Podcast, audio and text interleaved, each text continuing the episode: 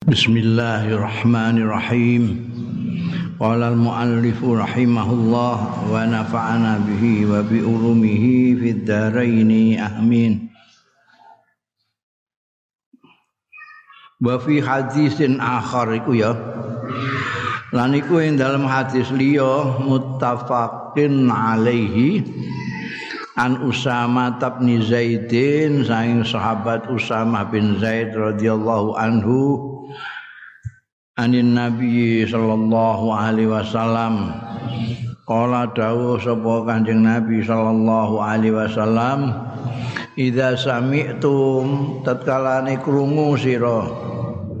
Krungu at-tauna ing taun ing wabah pandemi bi ardin ana ning suwijining negeri tanah kono wilayah Wala tadkhuluha mongko aja mlebu sira ing ardin. Wa idza waqa'a bi ardin lantat kalane terjadi apa taun bi ardin ana ing suwijining wilayah tanah. Wa antum hale utahe sira kabeh fiya ing dalem ardin. Wala takhruju mongko aja metu sira kabeh minha saking ardin. Ya seperti kemarin lah hadisnya sama. Pengertiannya sama kalau mendengar ada wabah di tempat suatu tempat kamu jangan masuk ke sana. Ya saiki setelah zona merah. Nah, ada zona merah jangan ke sana. Ya. nah, daerahmu zona merah jangan keluar. Nah, itu sepodo karo apa protokol sekarang ini ya yang nggak boleh keluar. Karantina atau apa jenis istilahnya? PSBB apa lockdown? Afada hadzanil hadithani menai faedah. Apa hadzanil hadithani? Iki hadis loro.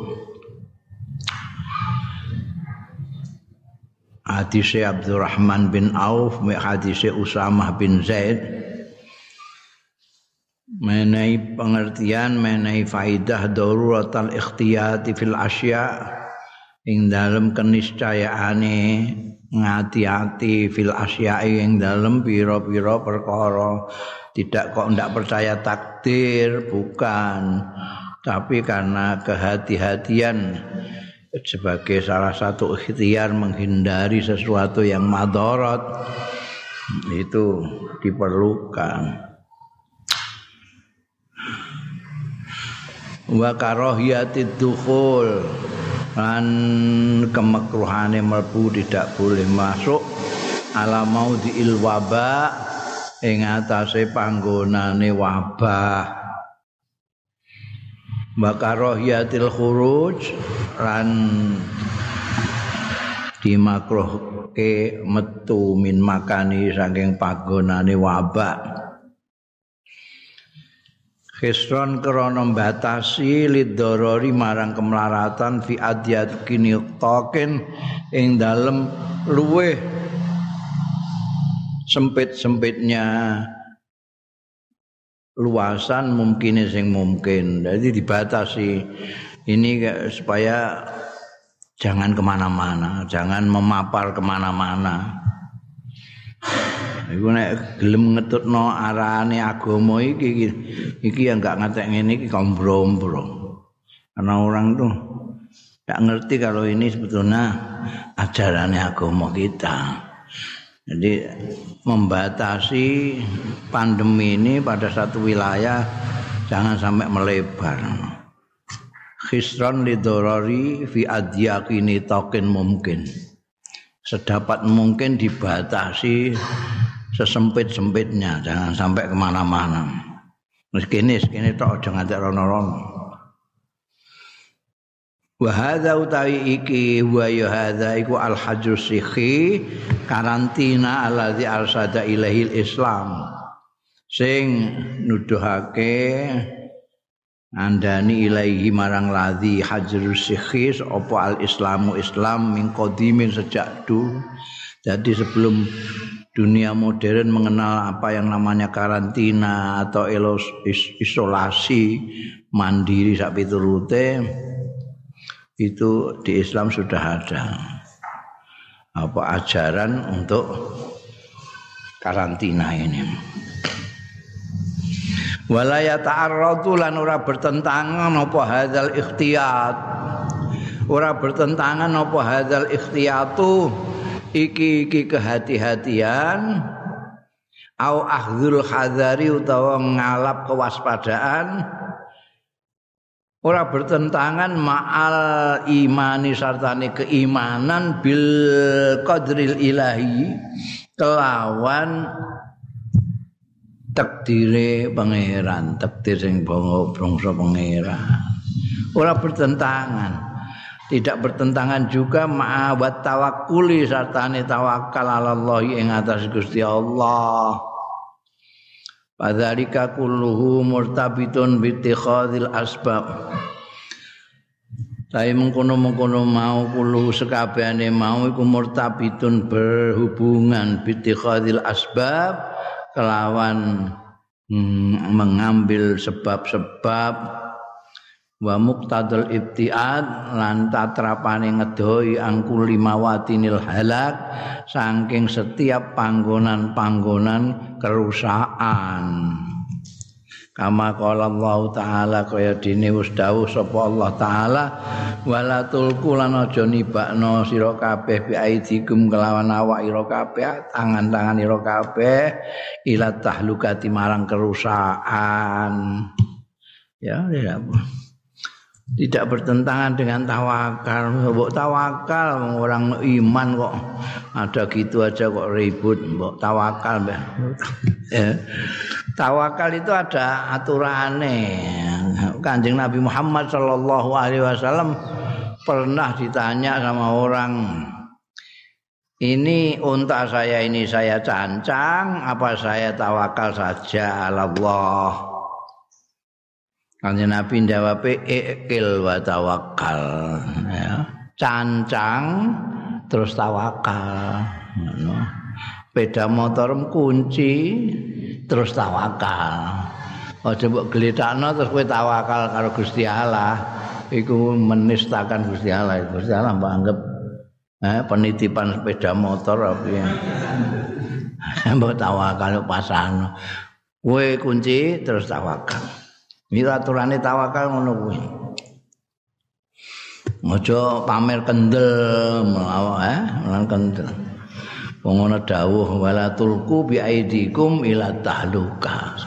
Segala sesuatu yang membawa kita kepada kerusakan, kehancuran harus kita hindari. Wa min ahami muqaddimati tawakkul. Lan iku termasuk luwih penting-pentinge mukaddimah mukaddimah pendahuluan pendahuluan tawakal bardul juhdi utawi ngetok kekuatan wa taatil asbab an mendapatkan piro-piro sebab. Kira-kira yang menyebabkan kamu itu selamat apa? Kamu harus betul-betul berusaha bagaimana untuk selamat baru tawakal fa fa inna mabda as-sababiyati mongko prinsip sababiyah prinsip kesababan. Ini semuanya ada sebabnya. Kenapa ada orang kena mabah? Karena begini begini begini tertular. Nah untuk supaya tidak tertular bagaimana? Ini termasuk mabda usababiyah Fa inna mabda sababiyati mongko setuhune prinsip sebab musabab ini iku asasun amun itu merupakan landasan umum bisuunil hayati ing dalam urusan-urusan kehidupan ada begini karena begini. Karena ini sebab ada begini. Ada orang ini sakit karena ini kan gitu. Waktu kabeh mbok antem takdir kabeh. Ya mau loro takdir, kok mati takdir. Eh kowe lesu takdirmu wis marat takdir. Mbok kandhani sapa nek iku gak takdir iku? Kabeh takdire Gusti Allah. Tapi kita itu ndak tahu takdirnya itu sebelum terjadi. Kowe ngerti nek kowe iku ditakdir melarat, mergo kowe wis melarat. Ya, wis eh, aku ditakdir melarat iki, ketara aku melarat, kan gitu. Nek durung-durung terus kowe muni aku ditakdir melarat, ngertimu kok ndi? Wong kowe sing ndi dhuwit ngono. Terus dok engkas entek iki dhuwit. Lho lho kok engkas. Ya takdire engko dok engkas ngono. Fa inna mabdata sabab ya asasun ambi suunil hayat. Wa in ta'attalat ahwalul jihad wal kasbi wa suunil ma'isyah kulliha. Wa in ta'attalat mengko lamun ta'attalat ini tidak berfungsi. Apa ahwalul jihad? kondisi-kondisi jihad mau tenanan kesungguhan wal kasbilan nyambut gawe wasuunil maisati lan urusan-urusan maisah pangupo jiwa kuliah ida uhmilat tatkalane den lirwaake apa al asbabu pira-pira sebab. Wala budalan ora kena ora minitiqa imawadi il khatar. Ora kena ora minitika imawadil khatar. Saking menjaga diri menjaga jangan sampai itika itu menjagani panggonan-panggonan bahaya ya, jangan sampai kita mendekati tempat-tempat bahaya. Wa mawatinil halakilan panggonan-panggonan kerusakan. Fahadha mongko ta iki iku min qadarillah saking takdire Gusti Allah. Hadza min qadarillah wa amri lan perintah Allah wa masyiatihi lan kersane Gusti Allah kama anna doa kaya dene setuhune donga iku qad yarudul qadar. Kadang-kadang iso menolak ya doa al qadar ing takdir. Takdirnya sakit ndonga terus ora. Itu juga takdir. Kayak mbiyen apa jenenge? Zaman ana KB itu kan oh itu melawan takdir itu lho ana wong ada-ada AB ku ya takdir. takdir. Biyen gak ana wong KB barang kan gak ana. Saiki ditakdirno ana wong sing ada-ada ngono iku. Eh, iku iku memang kudu ngaji ku soal takdir iku. Mereka membutuhkan ilmu. Ya, ora terus sithik takdir sithik takdir. Kaya-kaya ngerti takdir ae. Taifatun minal muharramat. Beberapa sekelompok minal muharramat saking perkara-perkara sing diharamke. Ana-ana sing dimakruhno, saiki ana sing diharam. Jadi beberapa hal yang dimakruhkan. Dalam kurung tahrimus sihri yang akan dibahas sekelompok muharramat itu adalah sihir. Harame sihir. Wadhab lan emas wal harir lan harir wal muzaffar muzaffar iku wenter kuning wenter sing saka kunir Yen ning Arab biasa wong wedok-wedok nek bosen nganggo klambi putih terus dicelup nganggo kunir dadi kuning. Wong wedok gak apa-apa, wong lanang gak oleh. Medoki ngono iku. Mulane ning kene ditambahi lir rijal. Wa dhahab wal haril wal muzaffar haram lir rijal. Sihir lanang wedok gak boleh.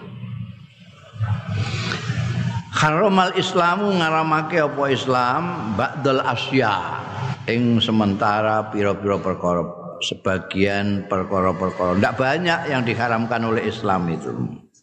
Ada beberapa saja taifah. Wa minha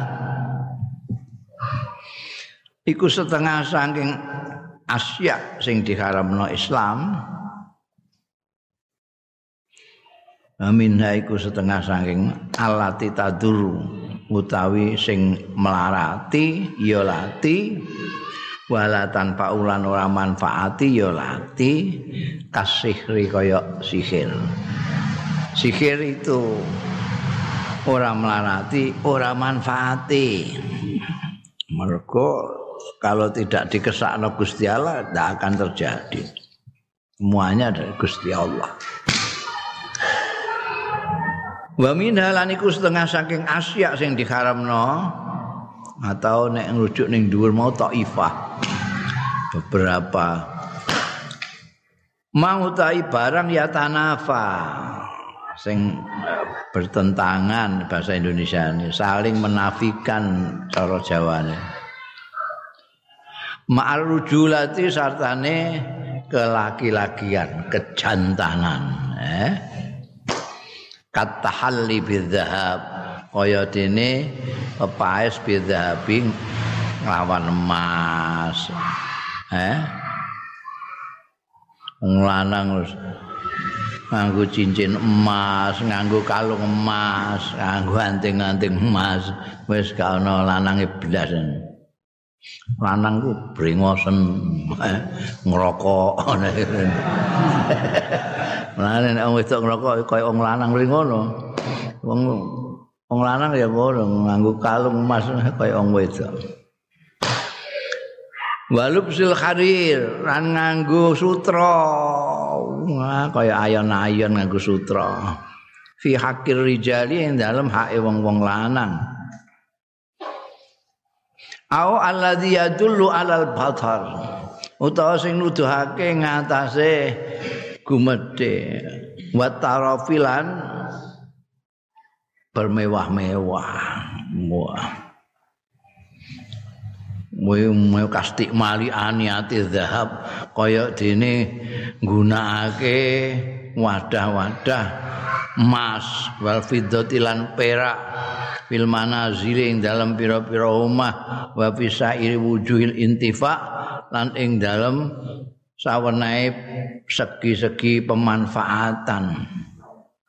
Awak ungkana iku padha ana ana pal istimalu penggunaan minar rijali sing wong lanang awin nisa utawa wong wedok. Ya. Wong lanang gantuk nganggo mas-masan. Gantuk nganggo sutra. Mergo iku spesialis nganggo wong wedok lanang gak oleh.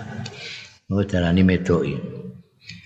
Kemudian menggunakan piranti-piranti emas iku nuduhno nek apa jenenge batar wa tarab berlebih-lebihan berfoya-foya piringe emas sendoke perak eh ndoke perak. Slilite perak ngono iku iku ndudono nek iku panen bermewah-mewah. Melete itu kan orang-orang yang kekayaannya berlebih dan dia bingung itu menggunakan gitu itu.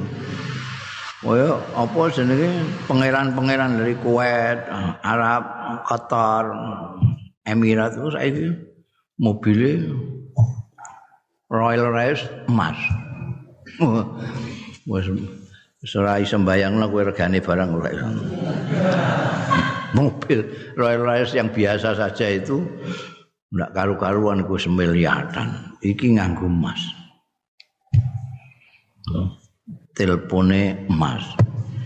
Lho sampai iku nggone Raja Faruk Mesir iku mbiyen apa shower terus gue cewek ngisingi emas. Mus keterlaluan tenan nah itu hedonisme itu sekarang merata. Ora pangeran ora rojo saiki wong biasa artis-artis itu. Wah nek kon pamer kekayaan itu melewati piranti-piranti iki istimalu aniyah tidak bolehnya zahab dan fidoh itu karena batal dan tarok jadi apa? Eh, sumber diharamkannya karena batal taraf itu.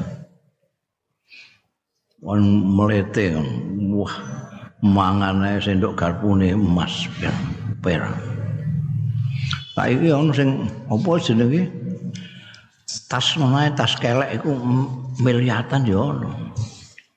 Mau ditretes nganggo mutiara ambekan emas. Iku termasuk istimal sing alal batar wa taraf. Wakat saddadal Quran dan teman-teman banget banget ake apa Quranul Karim fi hukmi sikhri. Ing dalam hukum sihir. Jadi artinya dilarang keras lah orang apa namanya mempelajari dan mempraktekkan sihir itu. Wa abbaro anhu lan nabirake ya Quran anhu saking sihir bil kufri lawan kekufuran. Malah disebutkan kufur. Litaghlil kanggo menguatkan wa ta'kidilan mengukuhkan. haramnya sihir itu sampai disebut-sebut sebagai kafir.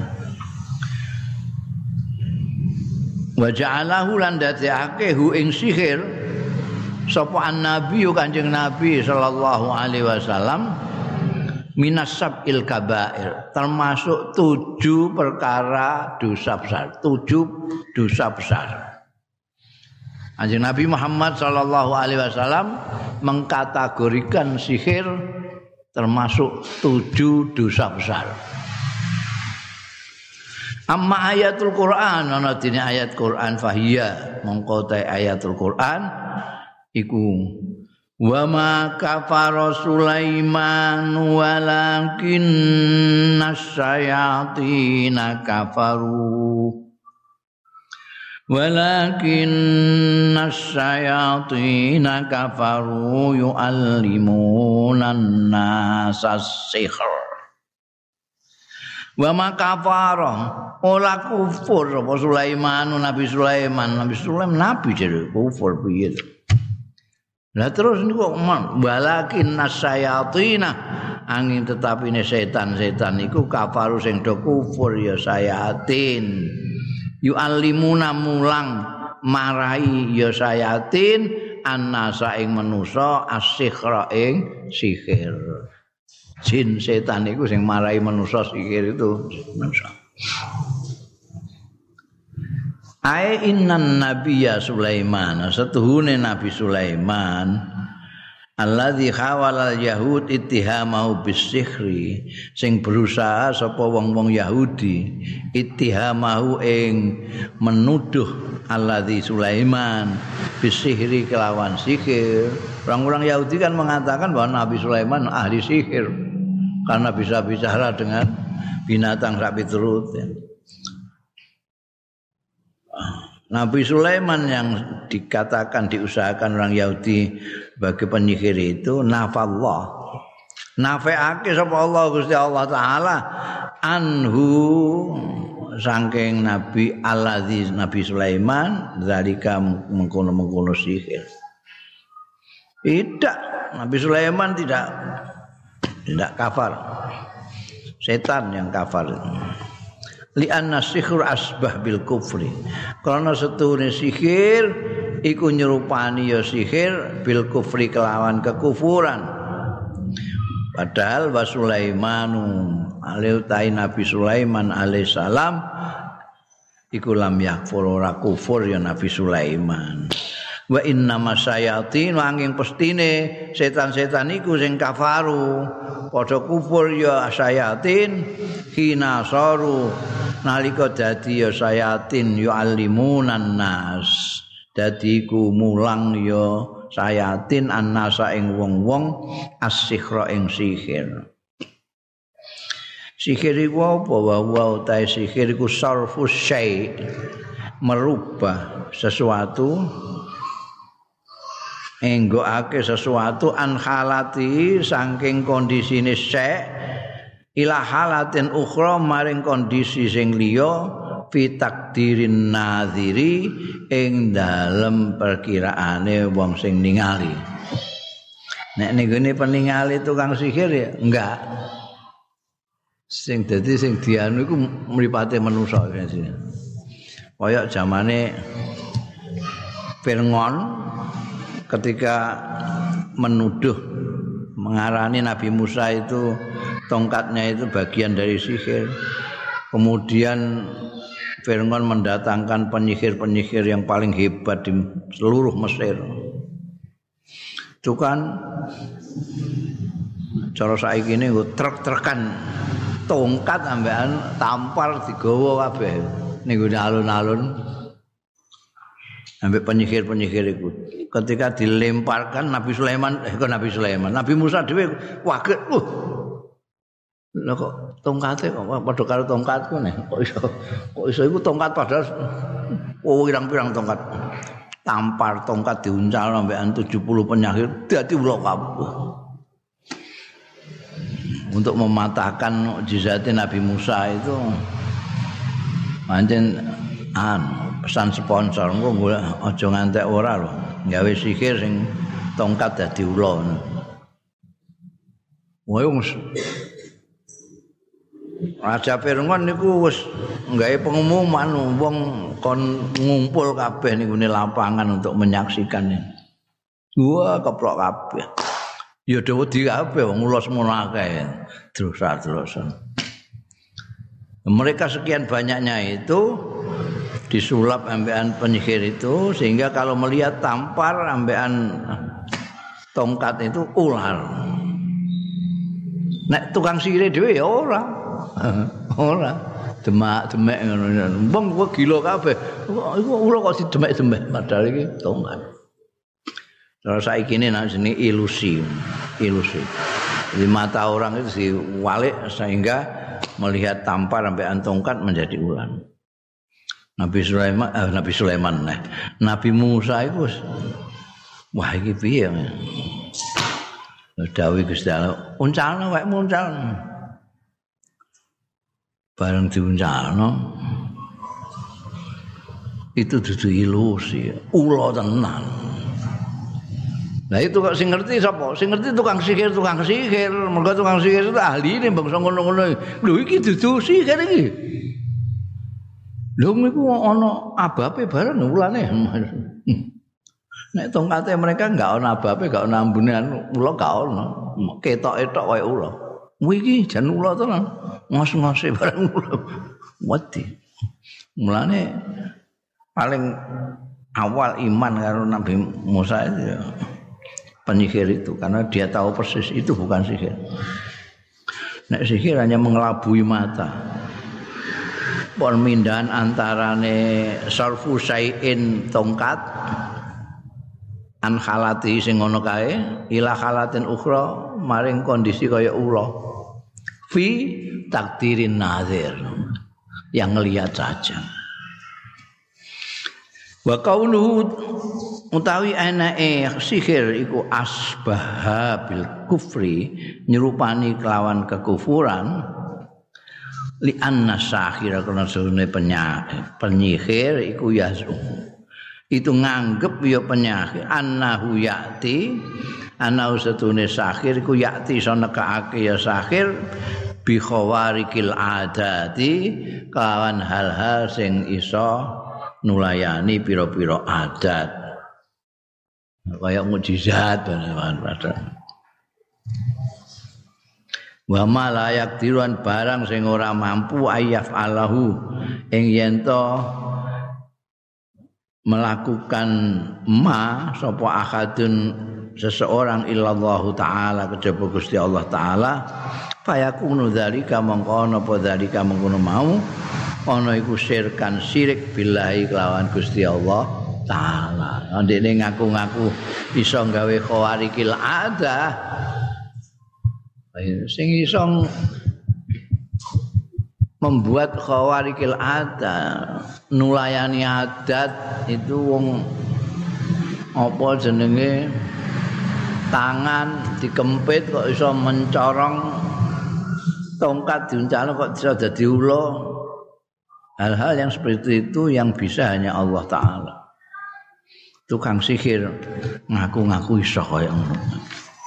Yang asbah bil kufri. Wa amma kaunu sihri ana dene anane sihir iku ihdal kabair termasuk salah satu dosa-dosa gede asab ising pitu. Padalika mongko utahe mengkono-mengkono kaunu sihri ihdal kabair sab'i iku sabitun tetep fi hadisin muttafaqin alaih ing dalam hadis muttafaq alaih sumber saking anak Abi Hurairah ta saking sahabat Abi Hurairah radhiyallahu anhu. Anin nabi saking Kanjeng Nabi sallallahu alaihi wasallam. Kala dawuh sapa Kanjeng Nabi sallallahu alaihi wasallam ijtanibu ngedono sira kabeh asab al mubiqat ing pitu pira-pira sing rusak pitung perkara sing rusak doi Kalu padha matur. Ya Rasulullah, do Kanjeng Rasul, wa mahuna. Niku napa hunna utawi asab ilmu biqat menika. Kala dawuh sapa Kanjeng Nabi sallallahu alaihi wasallam pitu kuwi pertama asyirku billah nyekutokake billahi kelawan Gusti Allah iki yang paling besar sendiri. Nomor loro wasihru nah, masuk di sini wasihru dan sihir. Nomor telu wa qatlun nafsil lati harramallahu illa bil haq. Mateni awa-awaan allati harrama kang ngaramake sapa Allah illa bil haqqi kejaba kelawan hak. Nek al guju sing mateni mergo kisos itu jenenge bil haq. Dadi ora termasuk. Nomor papat wa aklul riba, mangan riba. Mengambil kesempatan orang sedang sempit dengan menguntungkan diri sendiri, mangan riba itu masuk dosa gede. Berikutnya wa aklu malil yatim, mangan bandane cah yatim kaning temen, ora duwe bapak gak ora ndek wong tuwa kok bandane mbok pangan. Wa tawalli lan mlayu mundur yauma zahafi ana ing dinane campuh perang. Melok perang fisabilillah bareng roh musuh. Mlayu cengkelak cara istilah militer desersi. Desersi itu dosa gede Yang ketujuh wa qalful muhsanat. Menuduh perempuan-perempuan yang terhormat al mukminat, perempuan-perempuan yang mukmin al ghafilat, perempuan-perempuan yang lurus tulus. Ora tahu neko-neko ghafilat itu. Wong ora tahu neko-neko gaweane ning omah ngono kongkon wong tuane tok metu ngombok tuduh sing ora-ora Afadal hadis? Menai faedah apa al hadis hadis iki ja'la sihri. Ing ndadekake sihir didadekno ikhtahadzil kabair termasuk salah satunya iki iki dosa gedhe. Dibareng nombek sirik mbek kotul nafsi barang. Payaku mongko ana ya sihir ana iku haraman haram. Masuk dosa gedhe di haram. Wa amma tahallir rijal bidzahab ana dene pepaese wong-wong lanang. Wong lanang nganggo paes berhias bidzahabi kelawan emas walub suhim. Suhum lan nganggone wong lanang rijal al harira ing sutra fahuwa mongko utawi tahalli wa lubsumul harir iku haramun haram. Gak boleh laki-laki pakai emas pakai sutra. Lima krono hadis rawahu kang riwayatake ma sapa Ahmad Imam Ahmad wan Nasa'i lan Imam Nasa'i. Wasahaha lan nyokehake sapa Imam Nasa'i ing ma rawahu Ahmad. Sumberian Abi Musa al-As'ari sanging sahabat Abu Musa al-As'ari radhiyallahu anhu anna Rasulullah satune Kanjeng Rasul sallallahu alaihi wasallam. Qala dawuh sapa Kanjeng Rasul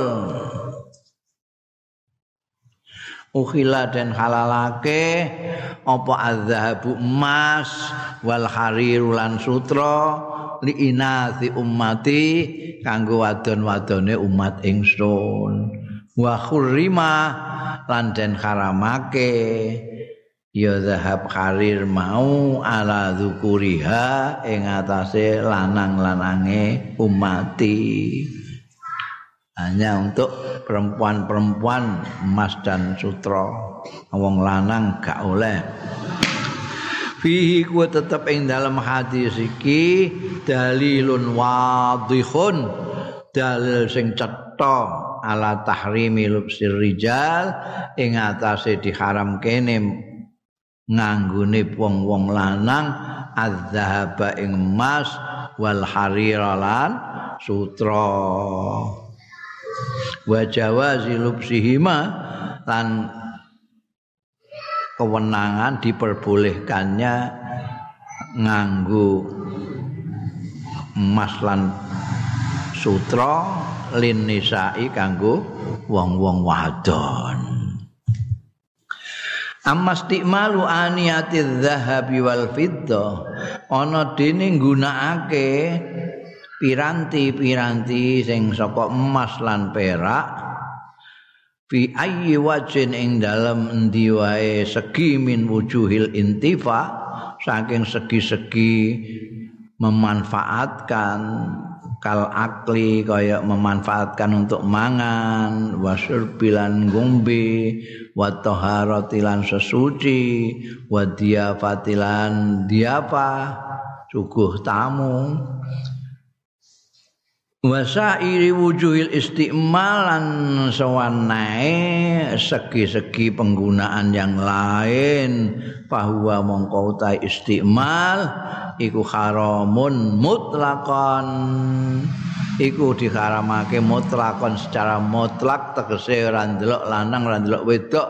Pokoke penggunaannya haram untuk piranti-piranti pemanfaatan. Iku mau entong saka emas eh sendok garpu perak piring emas nampan perak. Ngono bangsa ngono iku. Pirang-pirang. Ulek-ulek emas coweke perak ulek-ulek emas. Melete temen. Ini gak oleh haram.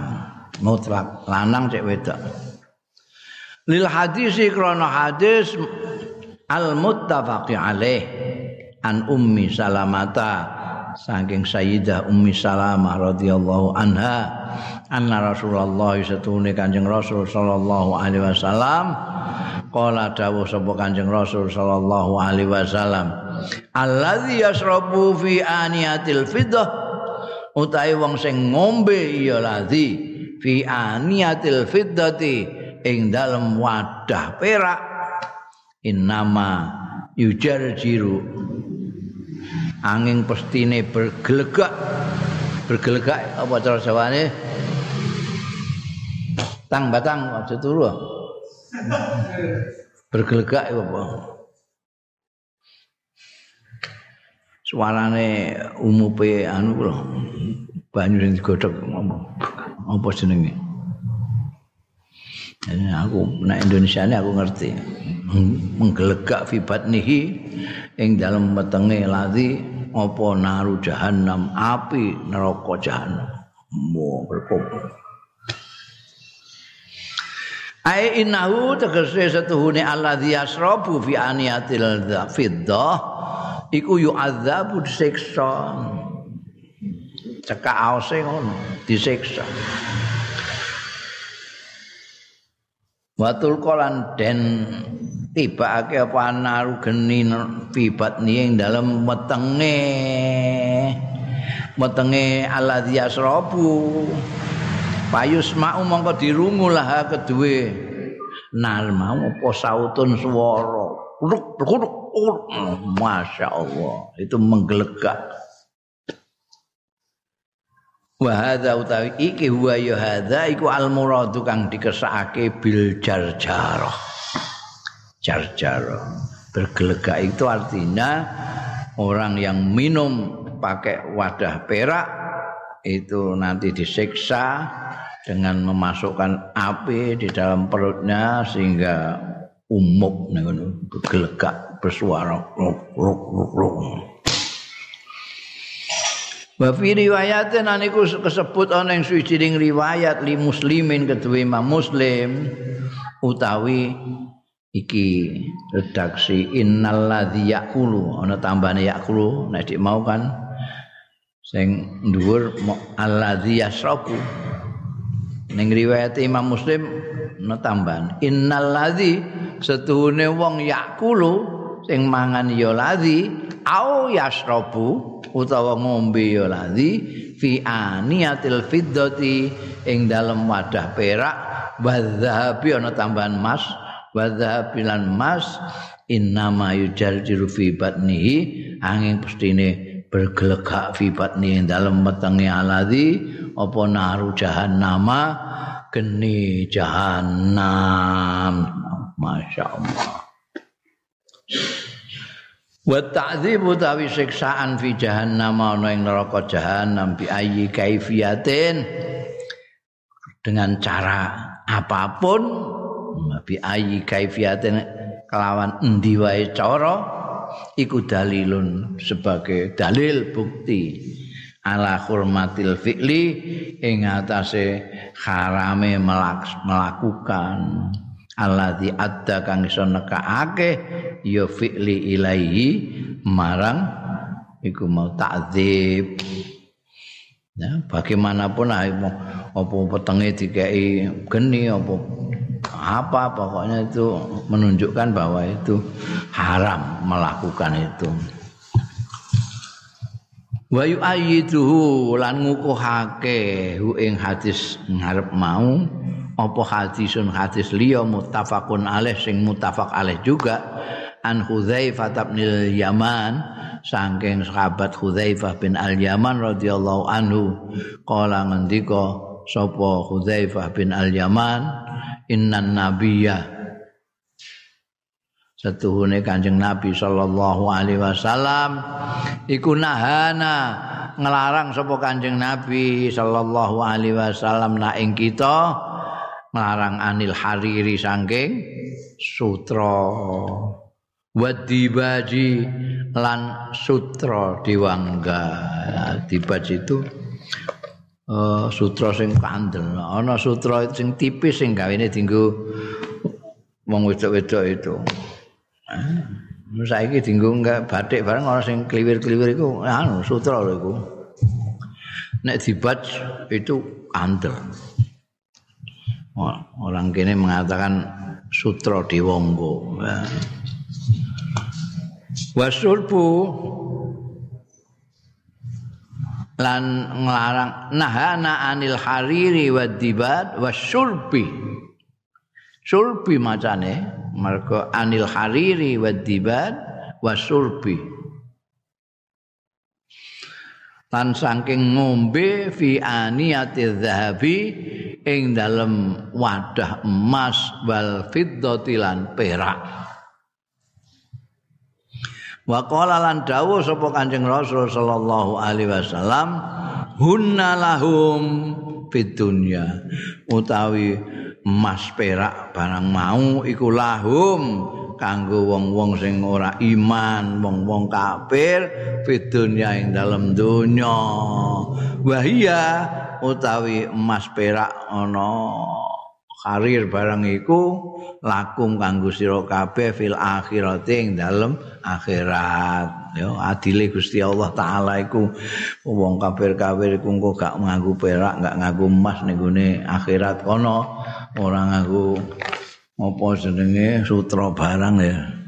Kayak kesempatan ning dunia iki. Ning dunia ini pakai emas-emasan pakai perak. Wah gelas perak sendok emas sak piturute silahkan gitu lah. Itu memang untuk mereka deh eh? murai Gusti Allah taala. Rahime rahmane kanjeng Gusti Allah taala. Nah, itu nanti khusus karena di akhirat nanti khusus untuk orang-orang yang beriman. Wa fi riwayatin fi sahihaini lan iku kesebut ana ing suatu riwayat fi sahihaini dalam sahih Bukhari Muslim an Hudzaifah saking sahabat Hudzaifah bin Al-Yamani juga radhiyallahu anhu Kala ngendika sapa Hudzaifah sami tumireng sapa ingsun. Rasulullah ing Kanjeng Rasul sallallahu alaihi wasallam tak pireng yakul ingkang dawuh ya Kanjeng Rasul sallallahu alaihi wasallam la talbasu al harir. Ya talbasu.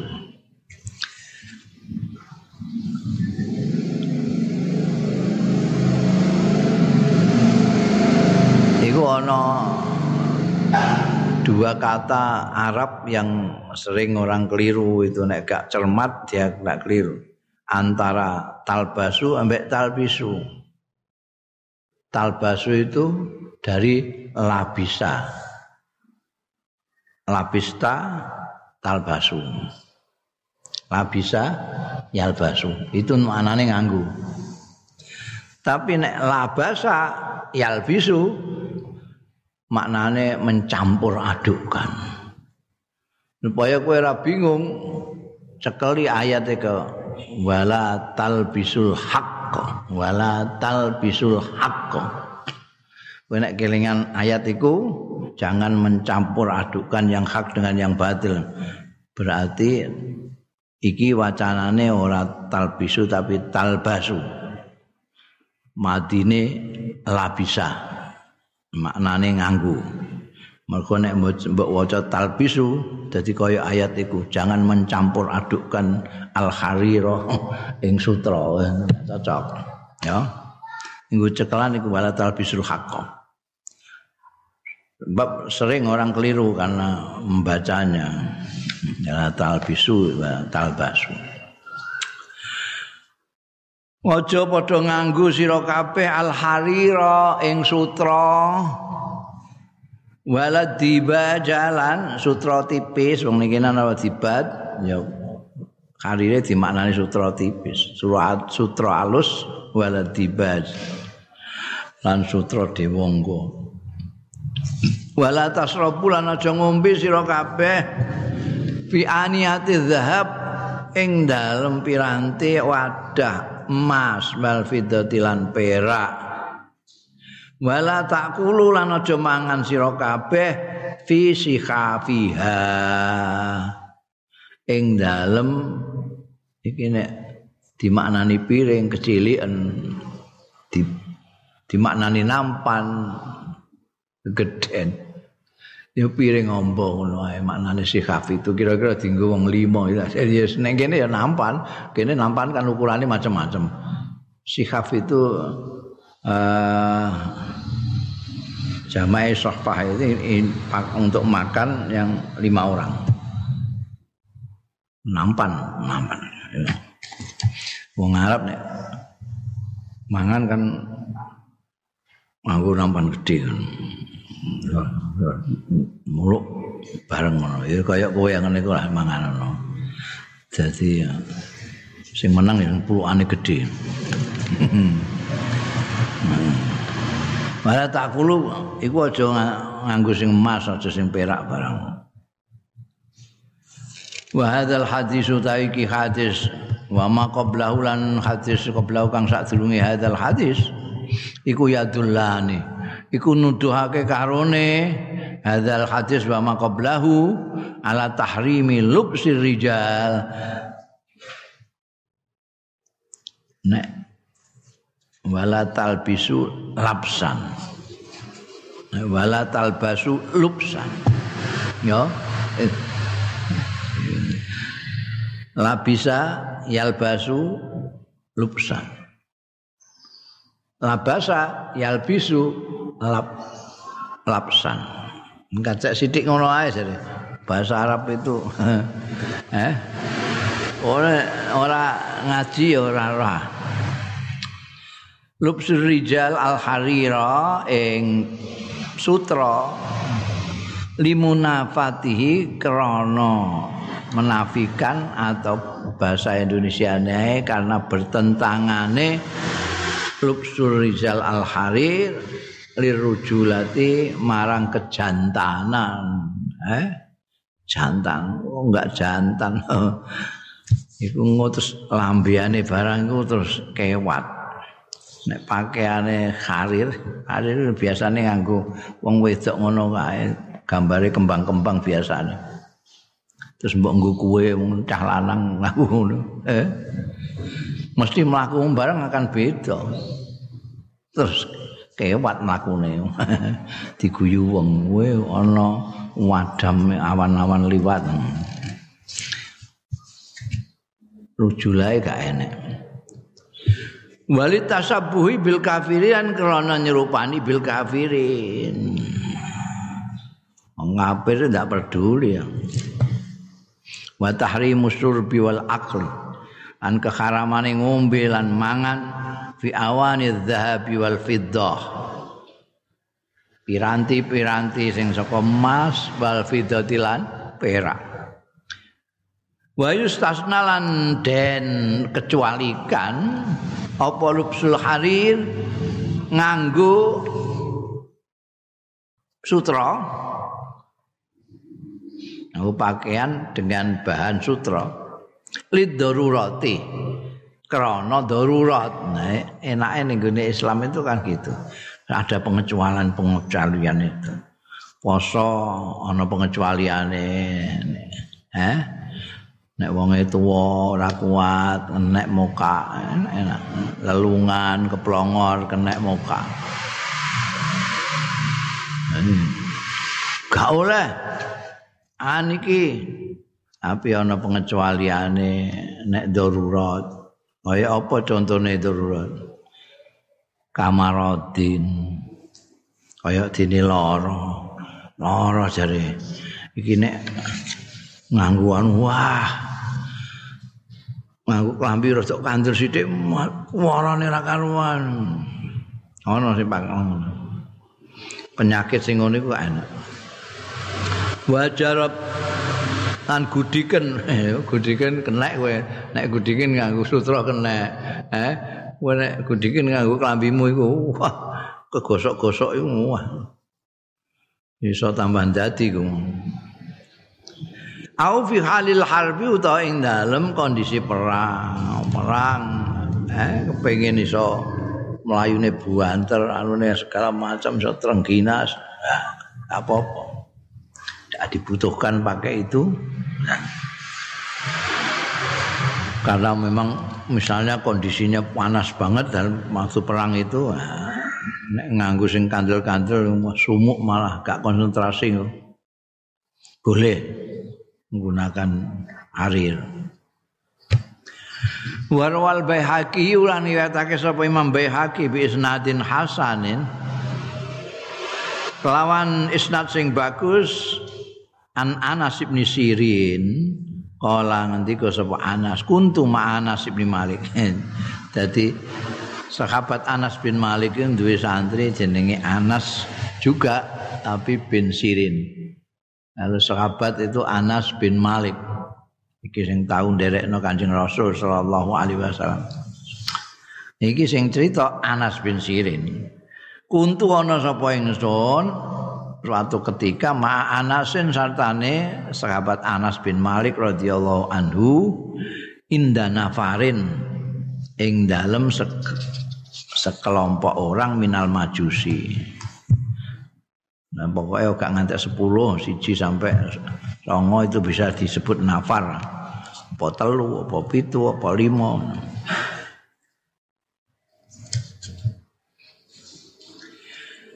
Fajia mongko ditekakno apa bifaludaj. Faludaj itu semacam kue eh? Kue kaya puding ngono. Kuwene bentuke kaya puding ngono. Paludza gitu tapi rada atos nek nek puding ning kene kan nyur-nyur ngono. Pendoso ala inain min fiddah ing atase wadah min fiddatin saking perak. Imane ana maju sibuar ini dadi gak ngerti nek gak entuk. Dadi paludhat ini ditaruh di nampan perak. Falam yakul mengko ora kersa dahar sapa Anas bin Malik hu ing faludhats mau. Fakila mengko diucapake lahu marang wong sing nyugoi mau hawil hu hawil hu. Genteni genteni hawil hu. Genteni ana sira ing inake mau.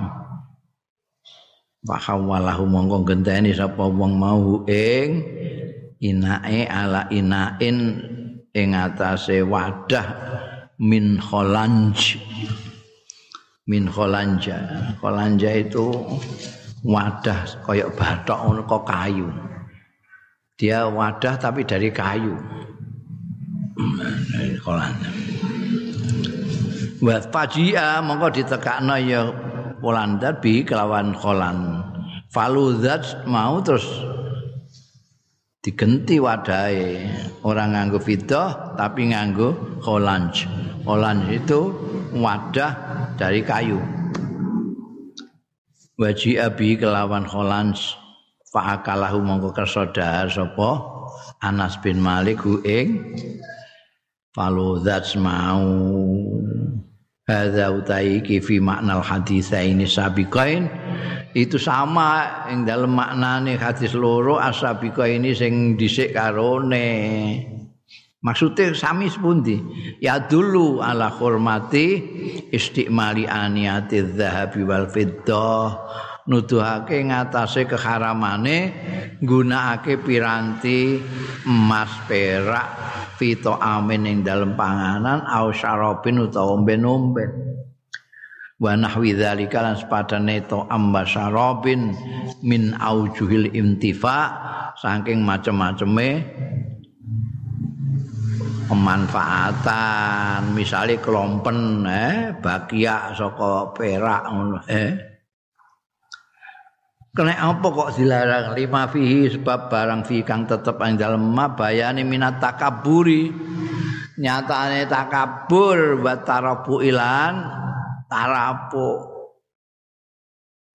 nek takabur gumedhe tarafu itu kemelinti. Wah, ono nganggo emas. Wa yustasnalan den kecuali kan min zalika saya mengkono-mengkono istimal aniat zahab wal fiddah. Apa khulil nisa'i? Apa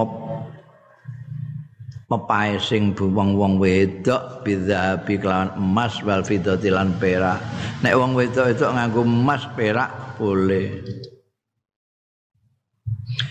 Iki dikecualikan. Menggunakan emas perak secara prinsip dilarang tapi untuk perempuan dikecualikan kalau pakai zahab dan emas juga dikecualikan wa khatamul fiddati lirijal ali-ali perak lirijali kanggo wong-wong lanang dunamis kolin sing tidak lebih dari satu miskol. Satu miskol itu alba wa amsa wa arba'ina gram. Jadi patang gram setengah lah gitu. Biasanya apa namanya orang ada semono apa meneh wong Indonesia tangannya cilik-cilik.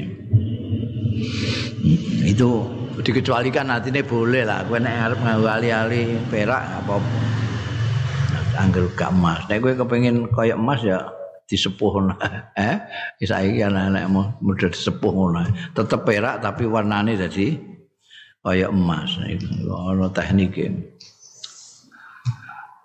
Wa yakhrumu aidan wa yakhrumu aidan wallahu a'lam.